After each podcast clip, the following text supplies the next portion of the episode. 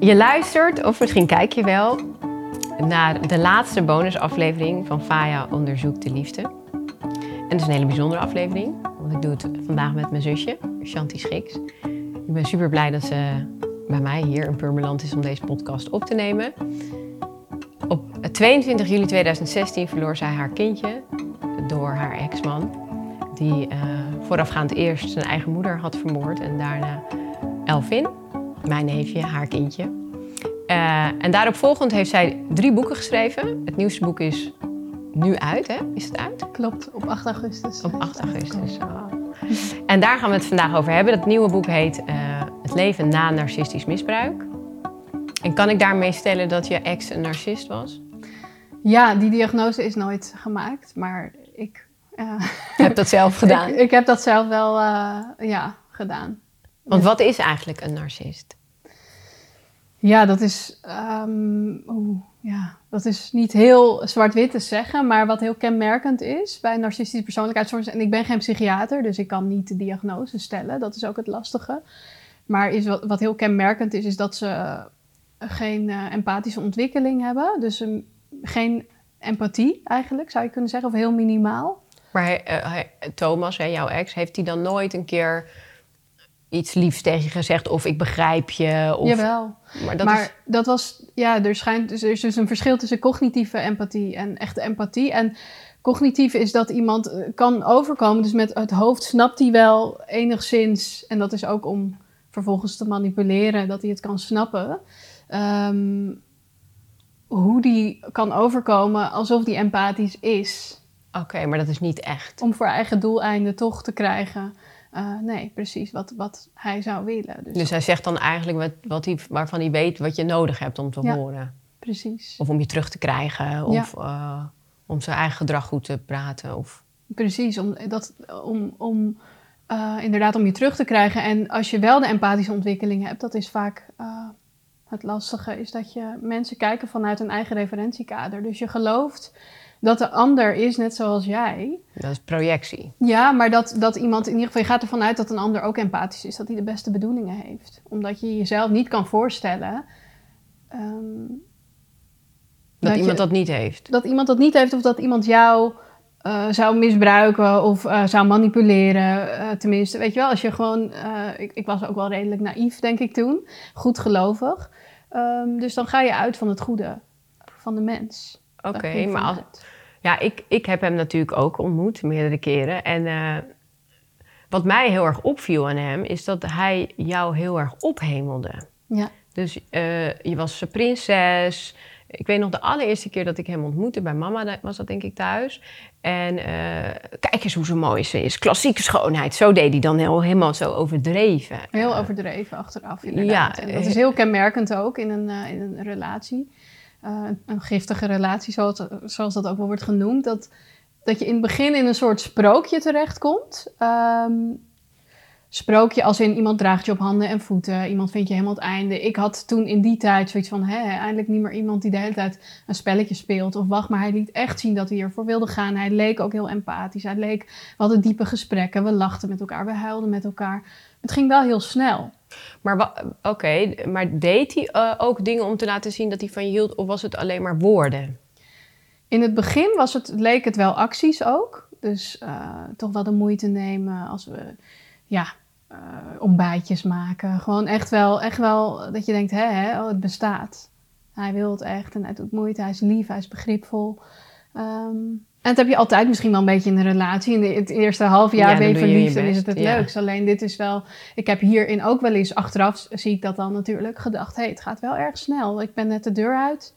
Hij heeft een ontbijtje gemaakt, super lief. Maar ik ben naar mijn werk en ik krijg meteen al een, een zelfgeschreven gedichtje. Oh ja. was ook wel eens dat ik al voelde... Benauwd. Benauwend. Ja, ja dat, dat snap ik wel, ja. En als je daar dan niet op reageerde, wat gebeurde er dan? Dan was hij heel snel um, uh, onzeker. Hij zei ook wel eens, ik hou van je. En dan zei ik, op een gegeven moment voelde dat soms ook een beetje benauwend. Want dat werd ook wel vaak gezegd. En veel ook klef doen waar anderen bij waren. En daar voelde ik me ook niet helemaal gemakkelijk bij. En dan zei ik het ook wel eens niet terug. Want ik wilde ook bij mezelf blijven. Ik wilde niet dat het een soort van... Hè, van nou, ik wil... Dan ga je het doen om iemand... Ja, ja, ja ik, herken, ik herken dit ook een beetje. Uh, Dus dan zei ik het wel eens niet terug, maar daar heeft hij dan wel eens hele drama's over gemaakt. Ehm, Oké. dan- ging hij bijvoorbeeld een keer, nou ja, hij ging, eh, hij ging de deur uit, want ik wilde het niet. Oh, ga je het niet terug? Wil je het niet terug zeggen? Nee, nee, oké, helemaal emotioneel weg. En toen ging hij vervolgens onder aan het balkon staan, weet ik nog, en helemaal. En dat ik echt dacht, wat, ik kon er gewoon niet bij. Wat gebeurt hier? Nou, ik was echt helemaal, Maar was dat in het begin al? nou, maar na een paar maanden. Maar had je dan niet, niet zoiets van, ik, ik, ik moet weg, dit is een red flag? Ik dacht wel soms, oh, hij is wel heel onzeker. Maar dan dacht ik, maar hij heeft ook honderd leuke kanten.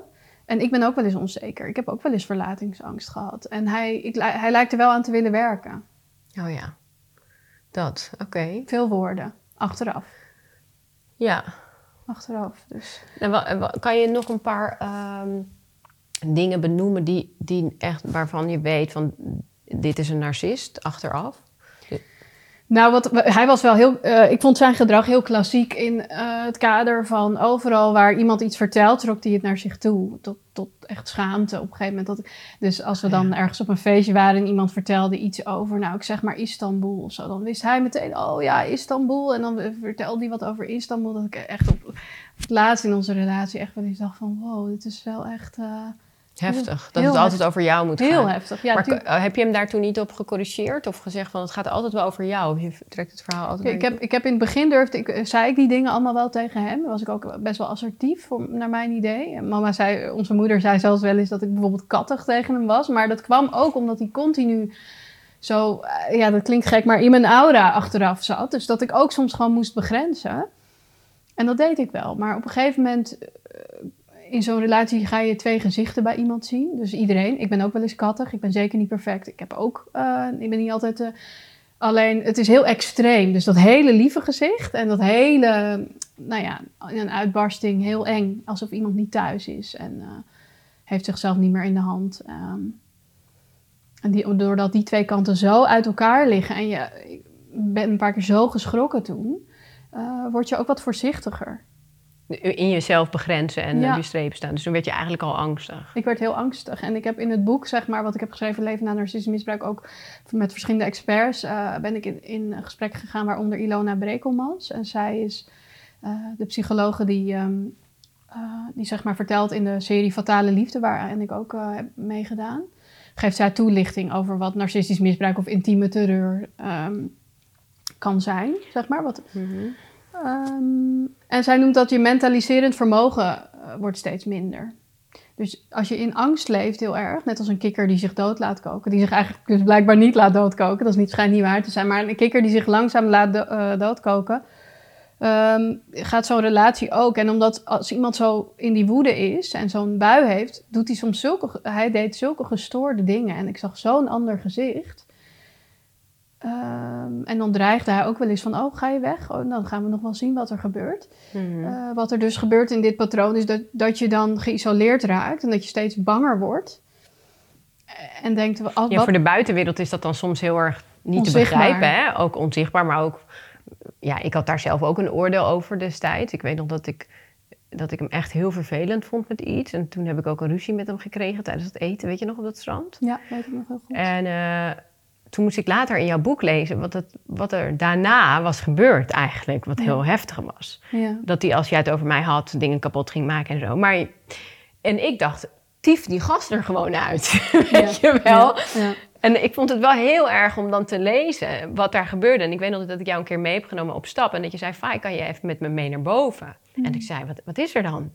En achteraf denk ik, ja, waarom ben ik niet met je mee naar boven gegaan? Snap je? Want ik Ja. wist het ook niet. En je hebt ook ons, zeg maar, daar niet in meegenomen Nee. van, help, Nee, ik ben hartstikke bang. ja. Dus toen, toen je bij mij kwam, dacht ik nog steeds, ja, wat moet die kleine dwerg, weet je wel? Ja. Omdat jij ook niet, zeg maar... Nee, dat is heel kenmerkend. Intieme terreur was dit, zeg maar. En dat is, daar kan een pleger een narcistische persoonlijkheidsstoornis in hebben. Dat kan ook een andere persoonlijkheidsstoornis zijn. Maar eh, het is heel kenmerkend dat je dus zo eh, angstig raakt. Dat je ook denkt, en er is heel veel schaamte. En je denkt, als ik iets vertel, wordt het alleen maar erger. Want wat gaat hij dan doen? Eh, ik durfde niet naar het buitenland met Elvin, omdat ik dacht, straks doet hij mijn familie wat aan. Ja, en achteraf denk ik dat het ook een terechte angst was. Ja. Als ik naar deze hele situatie kijk met wat er allemaal is gebeurd. En als je kijkt naar de cijfers in Nederland, één op de acht dagen wordt er een vrouw vermoord, femicide in relationeel, na, rela- relationele sferen. Mm, het wordt nog niet veel herkend, zeg maar. En daarom is het zo belangrijk dat hè, mijn situatie, ik heb het overleefd, maar Elvin niet. En, en zijn lieve oma, Pauline niet. Het is heel belangrijk dat hier ook veranderingen gaan komen, ook wettelijk gezien. Want uh, zijn moeder zei zelfs op het einde van, nou, hij, hij moet echt hulp nu. Maar als hij zelf niet wil, als hij... In Nederland kan je dan niet afdwingen. En dat is ook kenmerkend bij een narcistische persoonlijkheidsstoornis. Met, met diegene is er niks aan de hand. Nee, dus hij heeft zelf niet het besef van wat ik doe is niet oké. Nee, dat, dat, dat, ik kan natuurlijk niet in hem kijken. Maar ik had het idee dat, zijn, eh, dat er wel echt een verstoring was op empathie, zeg maar. En dat hij dus helemaal werd overgenomen door... Uh, in die, die laatste maanden toen ook, maar ook wel mo momentenfase in de relatie. Uh, toch vanuit een soort eigen belang. Wat wil ik? Hij, hij vond het ook heel noodzakelijk om nooit te gaan scheiden, want dat was vroeger bij hem gebeurd, zijn ouders. Um, dus dat ging niet gebeuren? Dat nee. ging niet gebeuren. Nee, oké. Okay. Nou, als we dan heel even kijken gaan naar de kenmerken gaan van een narcist, hè. Uh, nou, geen empathie dus, of in ieder geval een nep-empathie eigenlijk. Ja, cognitief uh, ja, kan het zijn. Ja, dus de, is wel heftig, want dan herken je het daar dan ook weer niet in. Um, ja. Is dat ophemelen van, uh, dat heb ik ook wel eens meegemaakt in de relatie, is dat, is dat ook... Heel kenmerkend. Ja, kijk, ik denk dat je, dat je allemaal wel eens een narcistisch trekje hebt. Zeker. Want ik heb het ook heel lang altijd over mijn eigen verhaal gehad. Hmm. Totdat iemand me daar een keer op wees, van je, je trekt altijd verhalen naar je toe. En ik was het was niet zo leuk om te horen van diegene. Hmm. Maar ik ben daar wel heel dankbaar voor. Want toen had ik het dus door. Dus toen kon ik het stoppen. Want soms doe je gewoon heel dingen onbewust. Heel enthousiast ben jij. Kijk, Matthijs heeft dat ook. Hè? Dus toen ik Matthijs leerde kennen, was hij heel spraakzaam. En daar schrok ik van. Want ik dacht, dat was Thomas ook. Dat was, schrok ik ook van. Daar schrok jij ook van. En Ja. ik, ik dacht, ik moet dit wel even aan. Ik heb het met, Thomas, of met Matthijs kunnen bespreken. En dat was allemaal veilig. En daar reageerde hij heel empathisch op en begripvol. En hij is daar ooit ook op aangesproken, vijf jaar geleden. Want hij deed dat ook in zijn enthousiasme. Hij is een heel enthousiast persoon. ADHD-diagnose gehad uh, ooit. Maar hij is zo enthousiast dat hij dan niet, dat niet door had. En een goede En vriendin. nu? En nu wel. Nu is hij, vraagt hij altijd, stelt heel veel vragen aan mensen. Is hij geïnteresseerd, nieuwsgierig. Ehm, ja, dus, Dus als je het kan aanpassen, dan ben je geen narcist. precies. Als je erop aangesproken kan Ja. worden. Ja, oké. Dus, eh, dus het verhaal naar je toe trekken. Wat zijn nog meer kenmerken voor een narcist? Nou ja, het, is, het, heeft, het hangt heel erg samen. Het kan alle kanten op gaan. Want je hebt ook introverte narcisten. Soms denken mensen narcisten zijn alleen maar heel eh, charismatisch. En altijd, maar je hebt ook mensen die juist heel onzeker zijn. Maar die ook geniepig bijvoorbeeld aan gaslighting eh, doen. En dat is, hè, dat is dus dat je een ander eigenlijk gek maakt door iets wat diegene bijvoorbeeld doet. Zeggen dat die ander dat doet, heeft gedaan. Of te zeggen nee, dat is helemaal niet gebeurd. Ja, Dan nee, dat herken ik. Ja, en, dat, Ja, dat- en dan doen zijn- ze echt alsof je gek bent. doen ze echt alsof je gek bent. Het is eigenlijk doordat die, empa die empathie er niet is ehm, en ze heel zelfgericht zijn, ik denk ook vanuit een overleving heel erg leven, onbewust, zijn ze vooral bezig met zichzelf en hun eigen gewin. En wat ook kenmerkend is in zo'n relatie is bijvoorbeeld eh, nou ja, dat je dus geïsoleerd raakt van de omgeving. En het is heel verwarrend, want de ene keer wordt er gezegd van eh, iets, iets slechts over jou misschien gezegd, maar een andere keer zegt, wordt er misschien gezegd, waarom ga je niet weer eens met Faye afspreken die zoveel voor, voor ons doet? En dat schept dan ook heel, je wordt ook heel, raakt heel verward van twee. Het is niet alleen maar zwart-wit, zeg maar. Is- Nee, maar op dat moment had ik door dat ik hem niet, ja, niet meer zo aardig vond eigenlijk. En dat liet ik ook merken. Ik ben altijd wel heel direct daarin. Achteraf vond ik dat heel erg, omdat het niet beter was geworden door jou, eh, bij jou thuis, zeg maar. Eigenlijk nog angstiger. Ehm, maar hij wilde mij en toen niks meer met mij. En ik weet nog dat, dat jij mij ook niet meer... Jij ging mij ook een beetje wegduwen Hmm. uit die situatie. Dat is heel kenmerkend in zo'n situatie, omdat je. ehm, op een gegeven moment is hij ook zelf zijn eigen moeder. Dat was de veilige plek waar ik dat komt ook, is hij ook gaan afstoten. Daar mocht ik niet meer heen met Elvin. Ik, ik werd steeds banger en, en ik voelde me steeds. Het, het is heel erg het gevoel van in een gevangenis leven. Ehm, omdat het ook terreur is wat er gebeurt. En het is binnen vier muren. Je kan het heel lastig uitleggen aan anderen. Nou, ik snap het nu wel beter. En ik snap ook dat het heel moeilijk is om die stap te maken... om dan echt daadwerkelijk weg te gaan, hè? Ja. Eh, ik snap ook dat heel veel vrouwen daarin zitten en dat ook niet. Ook mannen, hè? Het, ge- het gebeurt ook andersom, maar het is even om. eh, Oké. Ja, maar ja, het is. Het is het Maar wat, wat is er een instantie? Kunnen mensen ergens naartoe? Wat moet je dan doen als je dit herkent en je in zo'n situatie zit? Ja, ik heb, bij het eerste boek wat ik heb geschreven, boek Elvin, was er een vrouw die uh, hoogzwanger was. En die heeft toen een mailtje gestuurd. Dankjewel, dit was de laatste druppel. Ik ben nu ergens ondergedoken. Ik kreeg door het boek door dat ik er ook in zit. Dus vaak als je erin zit, heb je het ook niet eens door. Dat is heel... Oh, ja. Ik had het vlak toen ik eruit kwam en mensen ook om hem heen zeiden... je moet je niet meer door hem laten manipuleren. Dacht ik, manipuleren, man. En toen pas zag ik ineens, oh, hey. Achteraf. Ja. Maar hij dreigde ook wel met het, het, hetgeen wat hij heeft gedaan. Hè? Heb jij ooit gedacht, dat gaat hij echt doen? Of dacht je, dat kan ik nog wel voorkomen? Ik hoopte, vanuit die angst dacht ik, leefde ik heel erg in het moment, maar niet op een fijne moment, manier in het moment, maar heel erg van de overleving. En inderdaad, mijn mentaliserend vermogen was heel minimaal. Dus ik was, ik was altijd maar gewoon van rustig houden, rustig houden, rustig houden. Want ik wist het maar niet. Het was heel onvoorspelbaar. Dus dan, dan, dan maak je niet echt van, nou, dan kan je niet even rustig gaan zitten en gaan overwegen van waar. Nee, je was heel erg in de overleving. Ja. Ik, ik weet nog dat je bij ons kwam, zeg maar, dat je echt gewoon een soort van onrustig persoon was. Ja. Uh, wat logisch is als je dan uh, zoiets meemaakt natuurlijk. En dan kan je dus niet meer die helikopterview natuurlijk hebben. Dus ik snap ook als mensen daar middenin zitten en ze zijn zo in die overleving bezig. Ja, en in Nederland kun je weinig, want dan wordt, krijgt iemand bijvoorbeeld een straatverbod. Of er zijn zelfs ook heel veel, heb ik bij Movira even gewerkt, hè, het Oranje Huis. Dat heette vroeger een vrouwenopvang, maar dat heet nu het Oranje Huis. Dat is, want mannen kunnen daar ook terecht, uh, die hierin zitten, dat komt ook voor.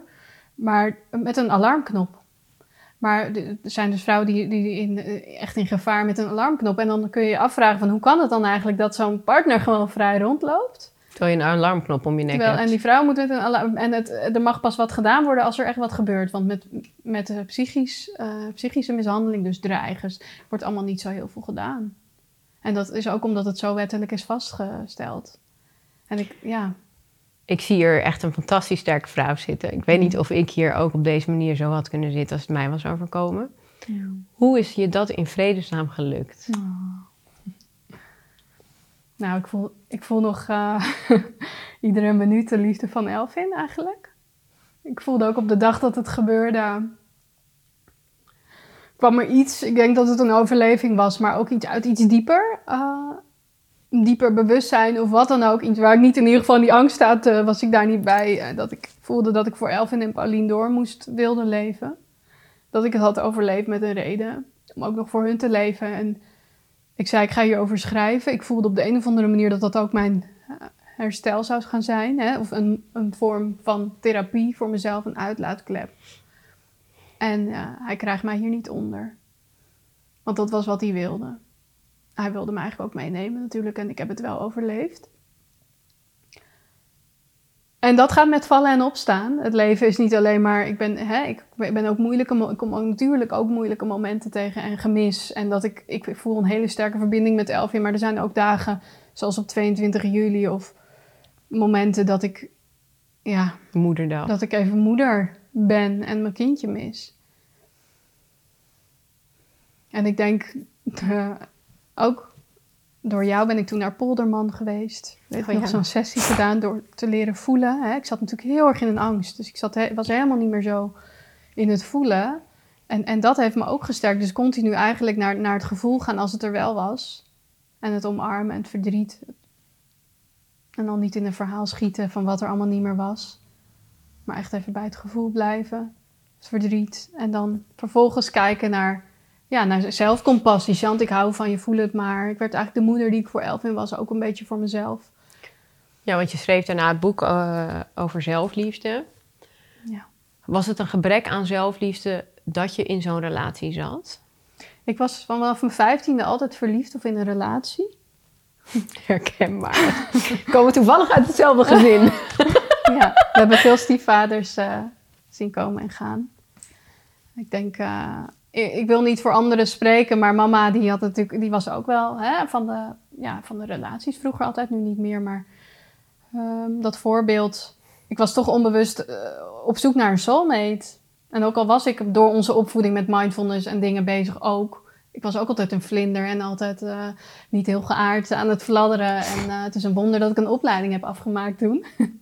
maar ja, Dus, dus ik denk maar wel... is het dan het voorbeeld wat we hebben gezien, denk je? Maar ik denk ook het voorbeeld, maar ik denk ook de maatschappij waar we in leven, daar worden we natuurlijk ook sowieso met Disney-films en eh, heel erg extern. Hè? De wortel die we zo voorhouden van, nou, als je daar bent, dan ben je gelukkig. Of als je dit bereikt, dan ben je gelukkig. Of als die man zo is. De man zo is en de Ja. ander heeft het misschien weer met, met andere dingen dan een man, maar met iets in ieder geval buiten jezelf. Eh, ja, en, en, en ja, het, het is ook fijn om te verbinden, toch? Het is ook fijn om, om, om een maatje te hebben. Dus, dus wat dat betreft is Maar het- wat is het verschil tussen wie je was voor Thomas en nu? De Shanti nu dan? Ehm, nou, ik vond het denk ik vroeger heel moeilijk om alleen te zijn. En ehm, om te voelen ook. En ik ben hierna juist wel naar binnen gegaan. Heb de methode ook die ik heb ontwikkeld naar Elvin genoemd, maar zelf in ook de, weg naar, een weg naar binnen. Ehm, en vroeger wilde ik denk ik alleen maar licht en liefde onbewust. En nu is het echt licht en donker. Soms heb ik echt moeilijke rotdagen. Soms is het leven echt zwaar. Soms is het echt, ik ben nog lang niet verlicht. Ik heb nog twintig patronen om aan te werken. Dan kom ik wel weer in mijn nieuwe relatie tegen ook. Weet je, dat ik echt gewoon ook niet, absoluut niet perfect ben. En eh, hier ben om te leren. En eh, dat zelfliefde ook mijn eigen les blijft. Maar ik denk wel dat ik, dat ik niet meer zoals vroeger op de vlucht was van, van voelen en mezelf. En echt ook. In het volgende, in het volgende. Oh Ja. ja, dat herken ik wel. Eigenlijk is het ook een beetje met je hoofd, zeg maar. Dus Ja. eigenlijk niet met je hart. Nee, niet met je hart, niet met je buik. Nee, niet met je buik. Ik, als ik nu terugkijk naar al die relaties afgelopen tien jaar, zes relaties, dan denk ik, ja, dat is allemaal hier. Lijstjes maakte ik zelfs. Vinklijstjes. Dit, dit, als hij dat, dat. En als hij die cursus en als hij die coach. En, Ja. en terwijl je- je voelt het hier of het klopt of niet. Ja. dan hoef je niet lijstjes. En dan maakt het niet uit als stinkt iemand uit zijn waffel, weet je wel. Nou, liever niet, maar Nee, ja. maar- ja, ja, maar, zeker. maar denk je dat dat een. Denk je dat dat, een, dat dat uit onze jeugd komt? Dat we zo zijn, dat we door dat voorbeeld. Wat, wat is er eigenlijk misgegaan? Want we hebben het eigenlijk dus allebei. deden we het. Of doen ja, we ik het. weet niet of het een combinatie is. We leven ook in een red race maatschappij. Dus dan is het ook continu eh, eigenlijk in de overlevingsstand leven. En als je dan niet bewust bent van wat je patronen zijn, dan zit je gewoon midden in je patronen. En ik denk dat, dat, het ook, dat dit ook mensen gebeurt die eh, bijvoorbeeld ehm, niet zo'n per se zo'n jeugd hebben. Dus ik weet niet of je dat daar helemaal op kan, aan, kan ophangen. Oké. En als je dan eh, even, even terug naar het boek, eh, het zelfliefdeboek. Hoe is dat ontstaan? Was dat ook een therapie voor jezelf? Ja, er staan wel oefeningen in. Ik heb bijvoorbeeld oefeningen van Louise Hay daarin, maar ook van Eckhart Tolle. Ik heb oefeningen zelf daarin. Ehm, mindfulness heeft altijd heel veel voor mij gedaan. Vroeger ook al, alleen dan... Ik combineerde het allemaal een beetje. Dus ik was ook onbewust aan het vluchten, maar ik deed altijd stukjes. Ook wel, vooral Eckhart Tolle heb ik heel veel aan gehad om mijn lichaamsenergie bijvoorbeeld te voelen. En niet in mijn hoofd te schieten, omdat ik vaak in mijn hoofd zat. Juist, heb ik daar wel. En dat heb ik allemaal verwerkt in dat boek, zeg maar, in de kracht van zelfliefde. Wat maakte dat ik... ehm, dat het nog goed kan gaan na dit te hebben meegemaakt. Dus ook door niet eh, in een verhaal erover te schieten continu. Wat als eh, ik dit had gedaan of dat had gedaan, zus had gedaan.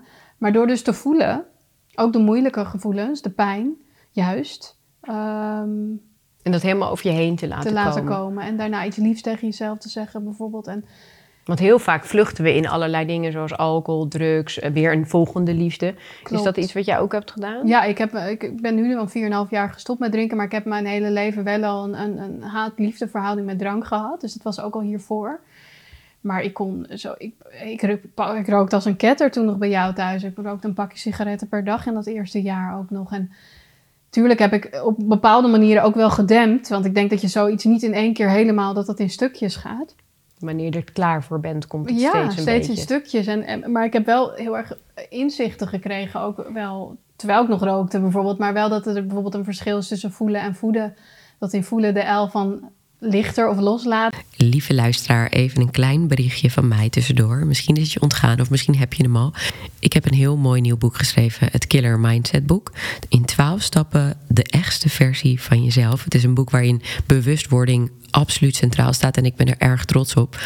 Maar wat misschien nog wel veel leuker is, is dat ik eind dit jaar in het theater sta met een Killer Mindset Tour. En dit wordt een interactieve tour, eh, talk eigenlijk, waarin jij centraal staat, muziek, dans, ademhalen, noem het maar op. Alles is aanwezig en ik hoop jou daar te zien. Je kunt de ticketlinks hier onder de podcast vinden.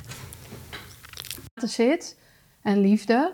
Maar in voeden zit het idee van drama of de, weet je, uh, de-escaleren. Dus dan, dan maak je het groter. Dus dat zijn dus bijvoorbeeld als je gaat denken, als ik dit had gedaan, dan was hij er nog en ik had nooit meer dit. En dat, dat, dat is dat voeden eigenlijk. voeden eigenlijk. En dat heb je helemaal niet toegelaten. Niet, niet op dit stuk. Nee, ik kom het nog natuurlijk wel eens in mijn leven tegen dat ik te veel in mijn hoofd zit over het een of het ander. Maar in dit stuk voelde ik het, het is ook te groot om dat te gaan doen. Het is, de realiteit is, hij is hier niet meer in een andere vorm, voel ik hem nog in alles.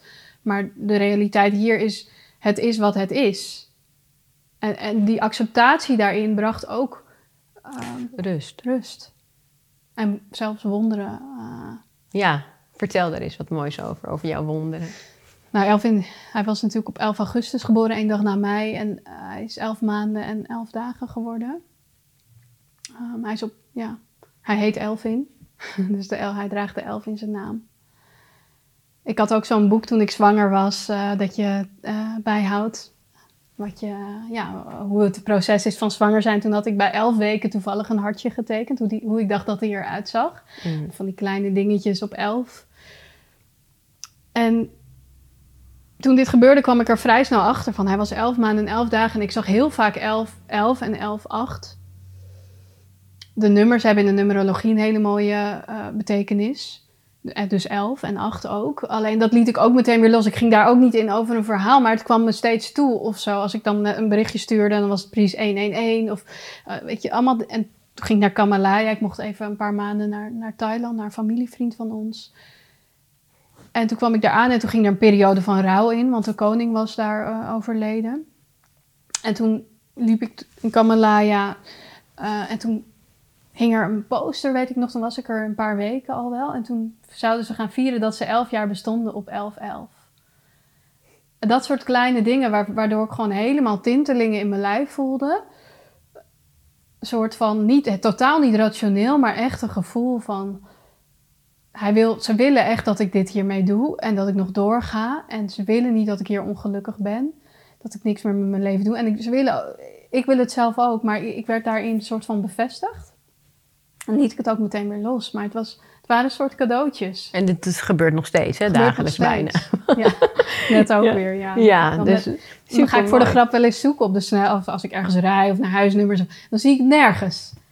Maar als ik het dan niet zoek en ik het toevallig... En dan vanochtend ook weer was ik gewoon met het papier bezig... En dan pak ik een stickertje en dan staat er precies 11, 11. En dan denk ik, ja, mooi. Weet je, ook op zo'n dag als deze dat wij dit samen gaan doen.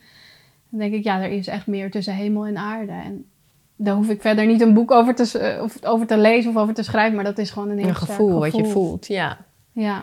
Wat kunnen we verwachten van het boek? Zeg maar, ik snap dat, ehm, dat we nu een beetje weten wat een, wat een narcist is, maar dit gaat over hoe je ermee omgaat na zoiets. Hè? Dus als je weg bent, zijn daar dan tools in? Of? Ja, ik heb, er, ik, heb een, uh, ik heb onlangs een uh, opleiding tot uh, traumatherapeut. En volg ik nog, maar daar zit ik middenin. Dus er staat een stukje over de ja, herstel in trauma. De zelfin-methode heb ik erin uitgeschreven om weer tot rust te komen. Want dat is vaak... mensen die hiermee te maken hebben gehad, die hebben vooral nog onrust. Omdat het vaak op de achtergrond ook nog speelt. Zeker als je in scheiding ligt met Logisch. kinderen. Bij jou duurde het ook wel even toch voordat het weg was? Ja. Ja, en vaak zie je dat het heel lang aanhoudt als er dus kinderen... In betrokken zijn. Ja.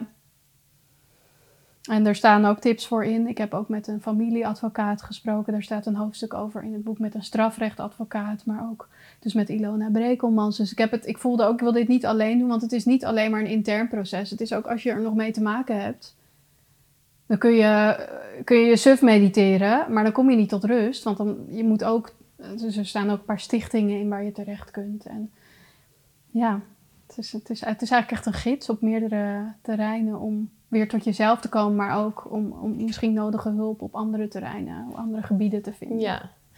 Als ik zo naar je luister, hè, dan, dan merk ik heel, zie ik heel veel gelijkenissen met mij. Uh, In de zin van mensen willen helpen.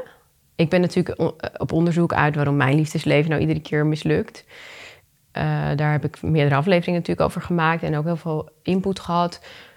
Maar ik heb ook een heel sterk reddersyndroom. Hmm. En um, eigenlijk uh, wilde ik ook boeken schrijven om mensen te redden en te helpen. En mensen en ook relaties wil ik altijd beter maken en allemaal dat soort dingetjes. En waar komt dat denk je vandaan? eh, gezien willen worden. Mm. Bij mij denk ik een heel groot stuk. Dat het, het gezien willen worden, Ja, erkenning, ja. erkenning willen zi- zijn. En ik ben daar ook in de materie gedoken, toevallig vandaag. Mm. Dat ik aan het schrijven was. En dat is, komt ook heel vaak vanwege een afwezige vader. Als je vader je niet ziet, Mm. dan krijg je ook bewijsdrang. Maar dan krijg je ook, ja, je wil gewoon die erkenning, maar je bent een soort van bodemloze put. Ja. Eh, omdat uiteindelijk gaat het om jezelf te erkennen natuurlijk. ja, daarom was die zelfliefde zo belangrijk. Ja, en denk jij dat je dat nu helemaal hebt losgelaten? Of dat dat echt, zeg maar, wat je doet, eh, voortkomt uit, ja, hoe moet ik dat zeggen? Een passie en niet uit een noodzaak. Nu meer, maar ik heb na het schrijven van De Kracht van Zelfliefde ben ik ook nog heel erg een stuk tegengekomen van niet gezien worden. Ik heb me daar heel erg niet erkend in gevoeld. Ik ben echt gigantisch tegen de spiritueel ego opgelopen ook. En ik ging dat doorvoelen en er echt naar kijken. Dat was weer een lastiger stukje dan andere stukken. En toen kwam ik er ook achter van, hé, hey, maar wat gebeurt er nou eigenlijk met mij? Oh, ik voel me niet gezien door extern weer. En ik schrijf, schrijf een boek over zelfliefde. Ja. Ik ga het nog maar even zelf toepassen. ja. Schrijf dus zo'n boek niet stiekem voor Ja. onszelf. Nou, ik zeg wel altijd zelfliefde is een reis zonder eindbestemming. Dus gelukkig eh, ben ik dan ook niet weer streng voor mezelf. Want ik ben er nog niet, want ik, ik mag ook vallen en opstaan. Maar ik zie wel dat ik me ook heel erg... Ik kom dat af en toe in mijn relatie nu ook nog wel eens tegen met Matthijs. Gelukkig niet zoveel, omdat hij niet continu op mijn triggers drukt. En ik misschien soms wel bij hem, maar ik kan in ieder geval voor mezelf spreken. Ehm, ja, maar daar kom ik ook nog wel eens tegen. Dat ik dan toch merk van... Oh, dit is echt een eh, kindstuk van... eh, van eh, iets wat ik daar gemist heb van Ja. mijn ouder. Ehm, en dat moet ik nu mezelf geven, maar dat zijn best moeilijke momenten.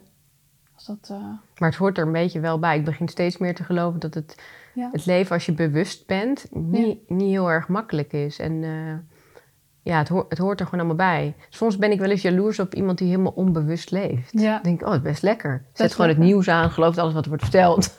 rustig. ja, eet alles wat hij wil, omdat hij denkt dat alles goed voor je is, weet je wel. Ja. En ik ga over alles zitten nadenken. Ja, het maakt het niet altijd even Een makkelijk. soort teletubby ben je dan. misschien. ja. Ja. ja. ja, ik weet nog dat ik Matthijs voor de allereerste keer ontmoette, jouw eh, nieuwe vriend. En dat ik echt een trauma zelf had. Ja. Nou ja, ik had een soortgelijke eh, ervaring met hem, dus dat is wel grappig dat jij dat dan ook had. Ja, omdat hij heel druk was. En eh, wat hij dus eh, ook deed, was heel erg vertellen hoe gek hij op jou was. En dat was natuurlijk mijn eerste Alarm, ervaring ook rode met, vlag met. Thomas toen. Ja. Dus ik dacht ineens, nee. Later dacht ik, oh, dit is ook mijn eigen trauma. En ik, ik heb natuurlijk wel... tijdens deze podcastserie ben ik natuurlijk ook op zoek gegaan naar mijn eigen trauma's en alles wat er aan de hand was. En ik had nooit verwacht dat Elvin en wat er met hem was gebeurd ook een hele ehm, diepe laag, of hoe noem je dat, zware laag had gelegd op mijn vertrouwen in mannen. Want ik had de overtuiging, mannen zijn niet te vertrouwen. Daar wilde ik aan werken en daar heb ik ook therapie op gedaan. En ik heb ook ontdekt waar dat allemaal vandaan kwam. Toen weet ik nog dat ik een keer psilocybine, dat is zo'n truffel, heb gedaan met eh, Gwendolyn hier. Uh, en, en toen was mijn intentie van ik wil mannen vertrouwen en ik wil graag een langdurige liefdesrelatie aan kunnen gaan. En ik vergeet nooit meer, in het begin dacht ik aan allerlei dingen, aan opruimen en troep. Ik denk, ja, wat is dit? Ik wil terug in de baarmoeder van mijn moeder, want dat had ik ergens op het internet gezien. Dat je daar Hele verwachtingen van hele de verwachtingen weer. Ik moet opnieuw geboren worden. Wat is dit? Waarom denk ik aan schoonmaken? En toen ging ik dus die koptelefoon opdoen. En toen kwam er een zielig muziekje. En toen dacht ik, oh, hier heb ik niet zo zin in. En toen denk ik, nee, fijn, ga het nou maar een keer gewoon aan. Dus ik ga in die muziek en ik was meteen, echt meteen op de plek bij Elvin.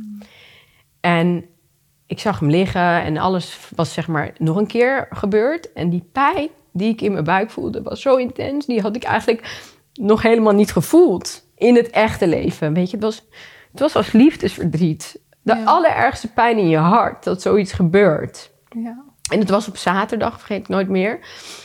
En ik moest zo erg huilen en het deed zoveel pijn. En ik dacht al die jaren dat ik het een plekje had gegeven. En ik had ook helemaal niet gedacht dat het ook een effect zou hebben op mijn liefdesleven. Maar natuurlijk heeft het dat, want uiteindelijk heeft Ja. je man je kind afgepakt. Dus wat zegt dat weer over mannen en mijn overtuiging Ja. dat mannen niet te vertrouwen zijn? Ja, van weer erbij. Op die, op die overtuiging die er al was. Ja, en toen ben ik maandags naar Els gegaan, Els van Stijn. Want ik was, zat ik toevallig net, dat was dan ook weer niet toevallig, in een coaching traject. En eerst ging ik s ochtends trainen met Judith. Dat is natuurlijk vriendin, maar die ook psycholoog is. En die zei, Va, je moet nu doorpakken. En ik dacht nog, Judith, ik heb toch gehuild nu, weet je. Het is oké nu, weet je. Nee, nu, nu ga je weer hetzelfde doen. Nu moet je doorpakken, zei ze tegen mij. vond ik een beetje vermoeiend. Ik Nog denk, meer door de modder. ja, ik dacht, laat zitten. nu weer de lotusbloem zijn. Precies. Het is nu wel genoeg, weet je wel. Ik heb het door. En toen ging ik dus naar Els. En toen vertelde ik het aan Els. Ze zei, nee, we gaan hier meteen eh, op door. En die ging toen op he- als hem, als Elvin, liggen op de grond. Nou, ik heb toen echt drie kwartier volgens mij naast haar zitten huilen. Maar het mooie was wel... Ik denk dat ik het toen echt heb verwerkt.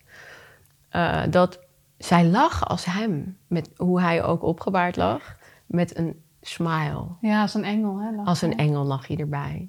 Hoe raar het ook klinkt. Een soort wel vredig, vond ik. En zij had die smile Hmm. ook op haar gezicht. En het was zo bijzonder, want dat kon ze natuurlijk ook niet weten, weet je wel? Heb je die stilte ook gevoeld? Oh, ik heb dat gewoon helemaal Ja. gevoeld. En Ja, toen dacht ik, wow, dit heeft dus ook nog eens een keer een effect op mijn relaties gehad. Maar ja, het- Tuurlijk. Ja. maar wie ben ik? Als je, jij zoiets meemaakt, denk ik ook altijd weer, ja, relaties, relaties. Hoe belangrijk is het allemaal? directe familie. Tuurlijk, ja. Wie ben ik, wie ben ik? Nee, maar ik bedoel meer van dat ik dan zit te janken over mannen terwijl jij zoiets meemaakt, weet je wel? Dat bedoel ik meer. Ja, maar ik denk dat je het niet op een weegschaal moet leggen ook of zo, hè? Van, eh, toch? Of, of- Nee, dat is ook zo. Oh, sorry, Nen. Ieder zijn eigen proces. En eh, het is ook herkenbaar trouwens. Ik heb ook een familieopstelling gedaan. Dat ik ook, eh, Elvin en ik, ik kon niet meer stoppen met huilen. Ik heb nog nooit zo hysterisch gehuild als daar. Terwijl ik daarvoor af inging en dacht, nee, dat, dat is niet zo. Dat hoeft denk ik niet zo. eh, Dat druk je dan toch weg. Ja, ik denk dat je het dus in stapjes doet. En dat de juiste moment dat daar weer een vertrouwen steeds meer komt. Dat met een beetje hulp van die en dan daar en dan pak je weer een stukje. Dat dat ook niet vast, dat is geen vaste route of zo. Ik moet zeggen, als ik soms verdriet voel, vind ik het ook heel lekker om me daar even aan over te geven. Heb je dat niet? Dat het daarna zo'n opluchting ook even. Ja, nou ja, toevallig heb ik nu liefdesverdriet. Dat weet je. Dat doet ook pijn, daarom ben ik extra emotioneel. Maar het, het helpt wel om te huilen. Ja, het lucht wel op. Ondanks dat het super veel pijn doet. Maar ik heb wel door nu wat mijn patroon is. Ik heb het door, dus ik weet dat deze liefde ook nog een keer op mijn pad moest komen om het door te hebben. Omdat de les blijft zich aandienen tot je hem uiteindelijk hebt geleerd. Wat is de les? Nou, ik dacht, dat heb ik ook meerdere keren besproken tijdens deze podcast, dat ik mannen aantrok die niet te vertrouwen zijn of, of niet zijn wie ze zeggen dat ze zijn. En er komen altijd mannen voorbij in je leven. Remy, ons broertje, heeft wel eens tegen mij gezegd van... Zeg jij niet tegen iedereen gewoon ja? Misschien moet je een keer nee leren zeggen. Daar heb ik echt over nagedacht. Want eigenlijk is dat wel een beetje zo. En tuurlijk, er komen allerlei soorten mannen voorbij in je leven. En ik kies ervoor om tegen iemand ja te zeggen. Dus is het dan de man die ik aantrek? Het is de keuze bij mij. En wat doe ik? Ik zie ze niet echt voor wie ze daadwerkelijk zijn. Zij zijn wie ze zijn. Ja, Zij, zegt, zij doen zich niet anders voor. Zij zijn wie ze zijn. ja, En ik zie ze niet. Want ik zie iets wat niet klopt. nee. Ik maak er een prinsessenverhaal van. Ik, maak er een, ik heb een illusie van als dit en als dat. En als jij die cursus en die coach en NLP en trainen, gezond eten, maakt niet uit. Niet meer oordelen. een heel plan voor Dus ze. ik heb een soort van plan. Nee, maar het is echt eigenlijk Ja. gewoon ziekelijk. Want eigenlijk zeg ik daarbij Ja, continu... het is ziekelijk, maar er is dan soms ook wel echt wat aan, aan de hand. Ja, maar dat is niet aan mij. Nee. Het is niet aan mij om iemand te verbeteren. Het is, als hij is wie die is op zijn manier, dan is het toch prima. En dan kan ik niet verwachten dat hij in een snelkookpan iemand anders wordt. Want eigenlijk wat je dus continu zegt. Is je bent niet goed zoals je bent. En dat voelt een mens. Een mens voelt van binnen als je hem eigenlijk niet ziet. Of weet je, niet, Ja. ja. niet accepteert zoals die is. Ja, En die gaat daar dan ook weer op eh, anticiperen op zijn manier. ja. Weet je wel? En daarop reageren op zijn manier. Ja, dan krijg Communicatie is respons. Dat leer je bij NLP. Dat, dus eigenlijk wat je geeft, krijg je terug. En ik denk gewoon nu, denk ik, wow, ik heb hem ook niet gezien voor wie die daadwerkelijk was. Eigenlijk wel in het begin. En dat waren ook mijn twijfels. Dat vertel ik ook in de podcast. En daar had ik moeten blijven. Maar dan komt er ergens dit hoofd, wat weer met dat lijstjesysteem eh, begint. En dan dit vindt en dat vindt en zus vindt en zo vindt. Ja, En daar doe ik hem mee tekort. Maar ook echt mezelf. Ja. Weet je, dus ik denk wel dat dit nog even moest gebeuren, hoe pijnlijk het ook is. dat je er nu zo bewust naar... Ja, ik had, ik had met alle afleveringen die ik heb gemaakt, had ik dit inzicht nog niet Nee. gekregen, zeg maar. En wat brengt dat je, wat brengt dat je nu? want al die mensen waar ik mee heb gesproken... en natuurlijk, ik heb familieopstellingen gedaan en EMDR... en ik had natuurlijk allerlei trauma's en ik heb ook patronen en ik ken ze allemaal. Maar ik deed het dus nog steeds. Ja. En ik had dit, dit nog niet, dit kwartje was nog niet gevallen... dat het aan mij ligt en dat ik het zelf doe. Ik ben de regisseur van mijn leven. Ik bepaal wie ik binnenlaat in mijn huis, in mijn leven. En dat moet je, die keuze moet je maken met je hart en niet met je hoofd. En ik denk dat als je de keuze maakt met je hart... dat je het in één keer voelt. Bam. Ja, en ik denk ook, kijk, in mijn man thuis maak- was ik ook heel erg in mijn angst. En, in mijn, en, en vaak zit ik in mijn hart, maar soms schiet ik ook weer in mijn hoofd. Ik denk dat het leven ook wel een wisselwerking soms is. Maar Van- je voelt toch wel hier de liefde voor ja, hem? voel ik zeker. Ja. Ja. Dat hoef je niet met je hoofd toch... Nee, als jij al in het begin inderdaad die twijfels had. Heel erg. ehm, en dan misschien ook vanuit, we hadden het eerder over de reddersyndroom. Ja, Eh, weer dat en ook eigenlijk vanuit een soort eh, zorgzaamheid. Van, maar hij heeft ook leuke dingen misschien. En dan wil je toch ook weer een kans geven. Ja, en ook omdat je dan zo'n aflevering maakt met Hanna Kuppen over ehm, eh, bindingsangst en verlatingsangst. En ik, her, ik werd echt, ik kon niet binden. Ik, werd, ik ging heel erg duwen, weet je wel. Dus daarin herkende ik onze dynamiek ook. En dat is een hele moeilijke dynamiek. Want als jij eh, niet tegen kan dat iemand onder je huid zit en iemand gaat dat de hele tijd wel doen, dan ga je alleen maar nog meer duwen. Dus dat wordt voor zo iemand alleen maar nog onzekerder, weet je wel. Ja. Maar ehm, dan denk je toch, ja, het schijnt toch wel dat het hoort bij elkaar en het elkaar aantrekt en dat je wat te leren hebt. En Je hebt het echt heel, misschien een heel grote uitvergroting ervan ook nog eens gekregen. Dat Ik heb echt een hele grote uitvergroting ervan gekregen. Maar ook van mijn eigen gedrag. Dat ik eigenlijk nog niet van dat reddersyndroom af ben. Ik heb al hele grote stappen gemaakt. Ik ben niet meer allemaal mensen buiten mijn familie op aan het redden. Maar ik doe het nog steeds in mijn familie. Of ik haal er iemand weer bij in huis waar die ik allemaal weer wil redden, weet je wel. Het is je kracht en je valkuil misschien. Ja, het is mijn Dat kracht en mijn valkuil. En ik vind het super leuk om te doen. Ja. En daarom doe ik ook die opleiding natuurlijk nu, die paardencoachingopleiding. En ik heb hier iedere dinsdag allemaal Het is mensen. dan ook zo'n talent, hè? Dat ik is vind het het ook. super leuk, Ja. maar ik wil, ik wil wel gewoon een man en ik ben niet de therapeut van een man, snap je? Ja, en dat besluit voor jezelf mogen maken. Dat is misschien al een Ja, eh, a- anker. ja. Ja, en wat, wat, wat, wat, wat ik ook doe is mezelf overtuigen, maar ook mijn mensen om me heen. Ja. En nou, eigenlijk de mensen om me heen ga ik overtuigen. Dus eigenlijk ben je, meesterovertuiger. je ja, bent, ben je, ja, ja. ben je eigenlijk jezelf aan het overtuigen, Ja. denk ik. Als je zo aan het zenden bent hoe goed iemand is en hoe leuk en wat het allemaal wel is. Ja. Terwijl je eigenlijk al die twijfel had. Dat kleine stemmetje, hè? Dat zo in het begin, of was misschien... Maar dat heb jij natuurlijk ook met, met Thomas wel gehad. Ja. Waren allemaal... Ik, ik was zelfs op onze eerste date heel misselijk. En eh, het was heel... Maar dat zie je allemaal achteraf. En ik heb er toch doorheen moeten gaan. Blijkbaar zo is het gegaan. Dus daar heb ik doorheen moeten gaan. Zo, omdat het zo is gegaan. Zo, het is wat het is.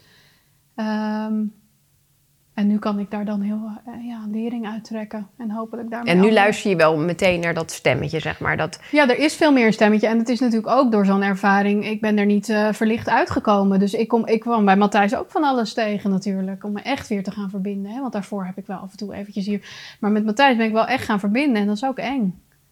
Want ja, je bent wel op je hoede. Dus, eh, en ben je dat nog steeds? Of kan je zeggen dat je dat nu helemaal nee, hebt losgelaten? dat is nu helemaal losgelaten. Matthijs is echt een lieverd. Ja, het is echt een lieve schat. Ja, we zijn nu twee jaar samen. En, eh, Het is echt een lieve man. Het is een hele lieve, zorgzame en man die gelukkig ook heel erg zijn eigen ding doet. Dus, eh, dus dat is, maar dat heeft ook tijd nodig gehad. Ik kon natuurlijk niet meteen. En ik moest ook een jaar alleen zijn. En zelfliefde toepassen nog steeds. Nu, het blijft een proces. Ik ben wel eens kattig tegen hem, daar spreekt hij me op aan. Weet je wel, ik heb, nog, ik heb ook nog dingen zeker om aan te werken. En, en daar Maar mag je nooit kattig zijn? Jawel. Ik zei laatst ook, nou zo ben ik, sorry, ik ben echt niet perfect, weet je wel. Sorry. Nee. Nee, maar het- ik bedoel meer van. Het is, je blijft, er blijven zich dingen aandienen waar je naar weer opnieuw kan kijken, denk ik. En eh, relatie is daar een mooie spiegel voor. En ik, ja, het is nu heel veilig samen om dat dan te doen. We kunnen elkaar aanspreken op dingen zonder dat er daarna een eh, uitbarsting komt of een, eh, hè, dat iemand niet naar zichzelf. En denk je dat, je dat hij op je pad is gekomen omdat jij echt een jaar alleen bent geweest en echt aan jezelf hebt gewerkt? Nou, wat wel zo is, is dat hij kwam op het moment dat ik ook niet zocht. En toen ik hem voor het eerst zag, want ik moest aan jouw eerste aflevering van jouw podcast denken. Wat ik vroeger vaak had, was alsof ik in een attractie ging. En dan helemaal, oh, helemaal in die spanning. En eh, als ik dan iemand leuk vond. En bij Matthijs was dat eigenlijk helemaal niet. Toen ik hem de eerste keer zag, dacht ik gewoon, nou, wel een aardige jongen. Maar was heel rustig. Het was niet hysterisch. Het was niet eh, extreem veel vlinders meteen. Maar door met elkaar heel veel te gaan appen en in gesprek, daar werd ik eigenlijk vooral verliefd op.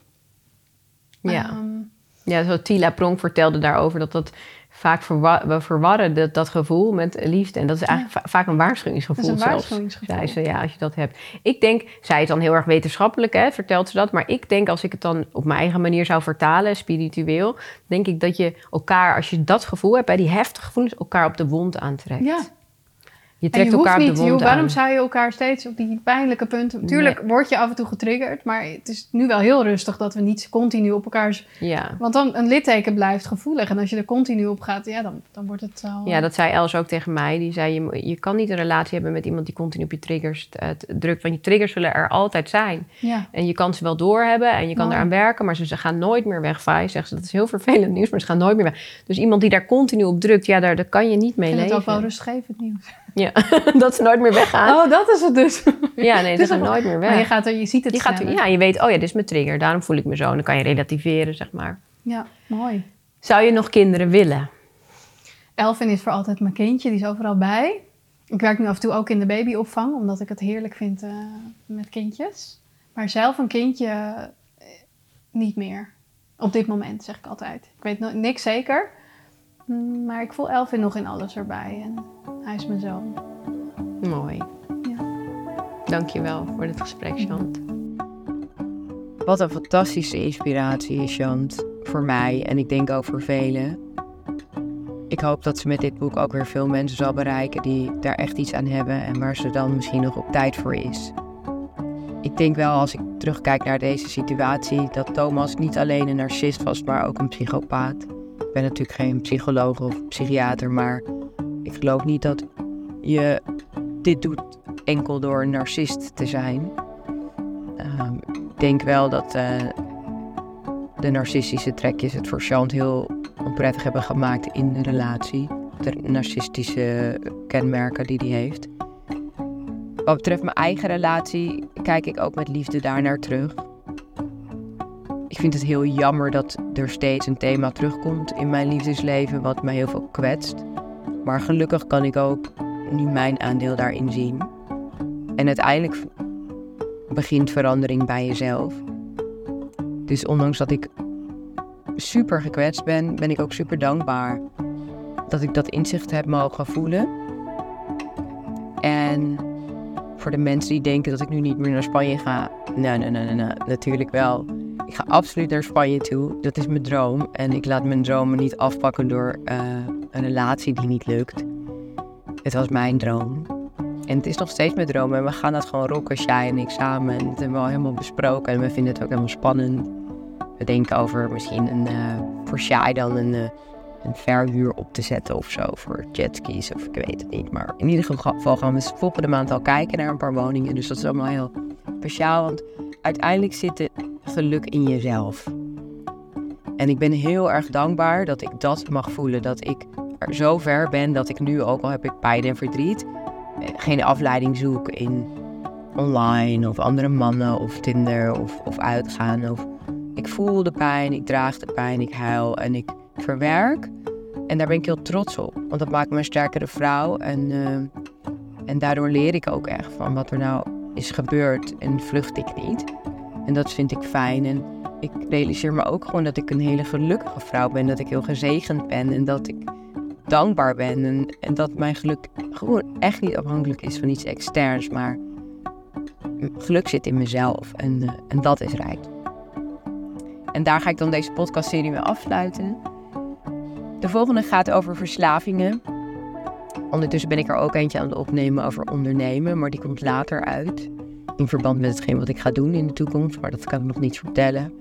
Uh, maar de volgende gaat dus over verslavingen. Super interessant ook. Ik hoop jullie daar allemaal uh, terug te horen. Of dat jullie mij terug horen eigenlijk. Fijne dag.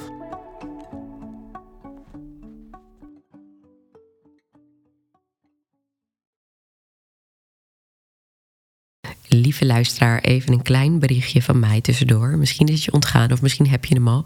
Ik heb een heel mooi nieuw boek geschreven, het Killer Mindset boek. In twaalf 12 stappen de echtste versie van jezelf. Het is een boek waarin bewustwording absoluut centraal staat en ik ben er erg trots op.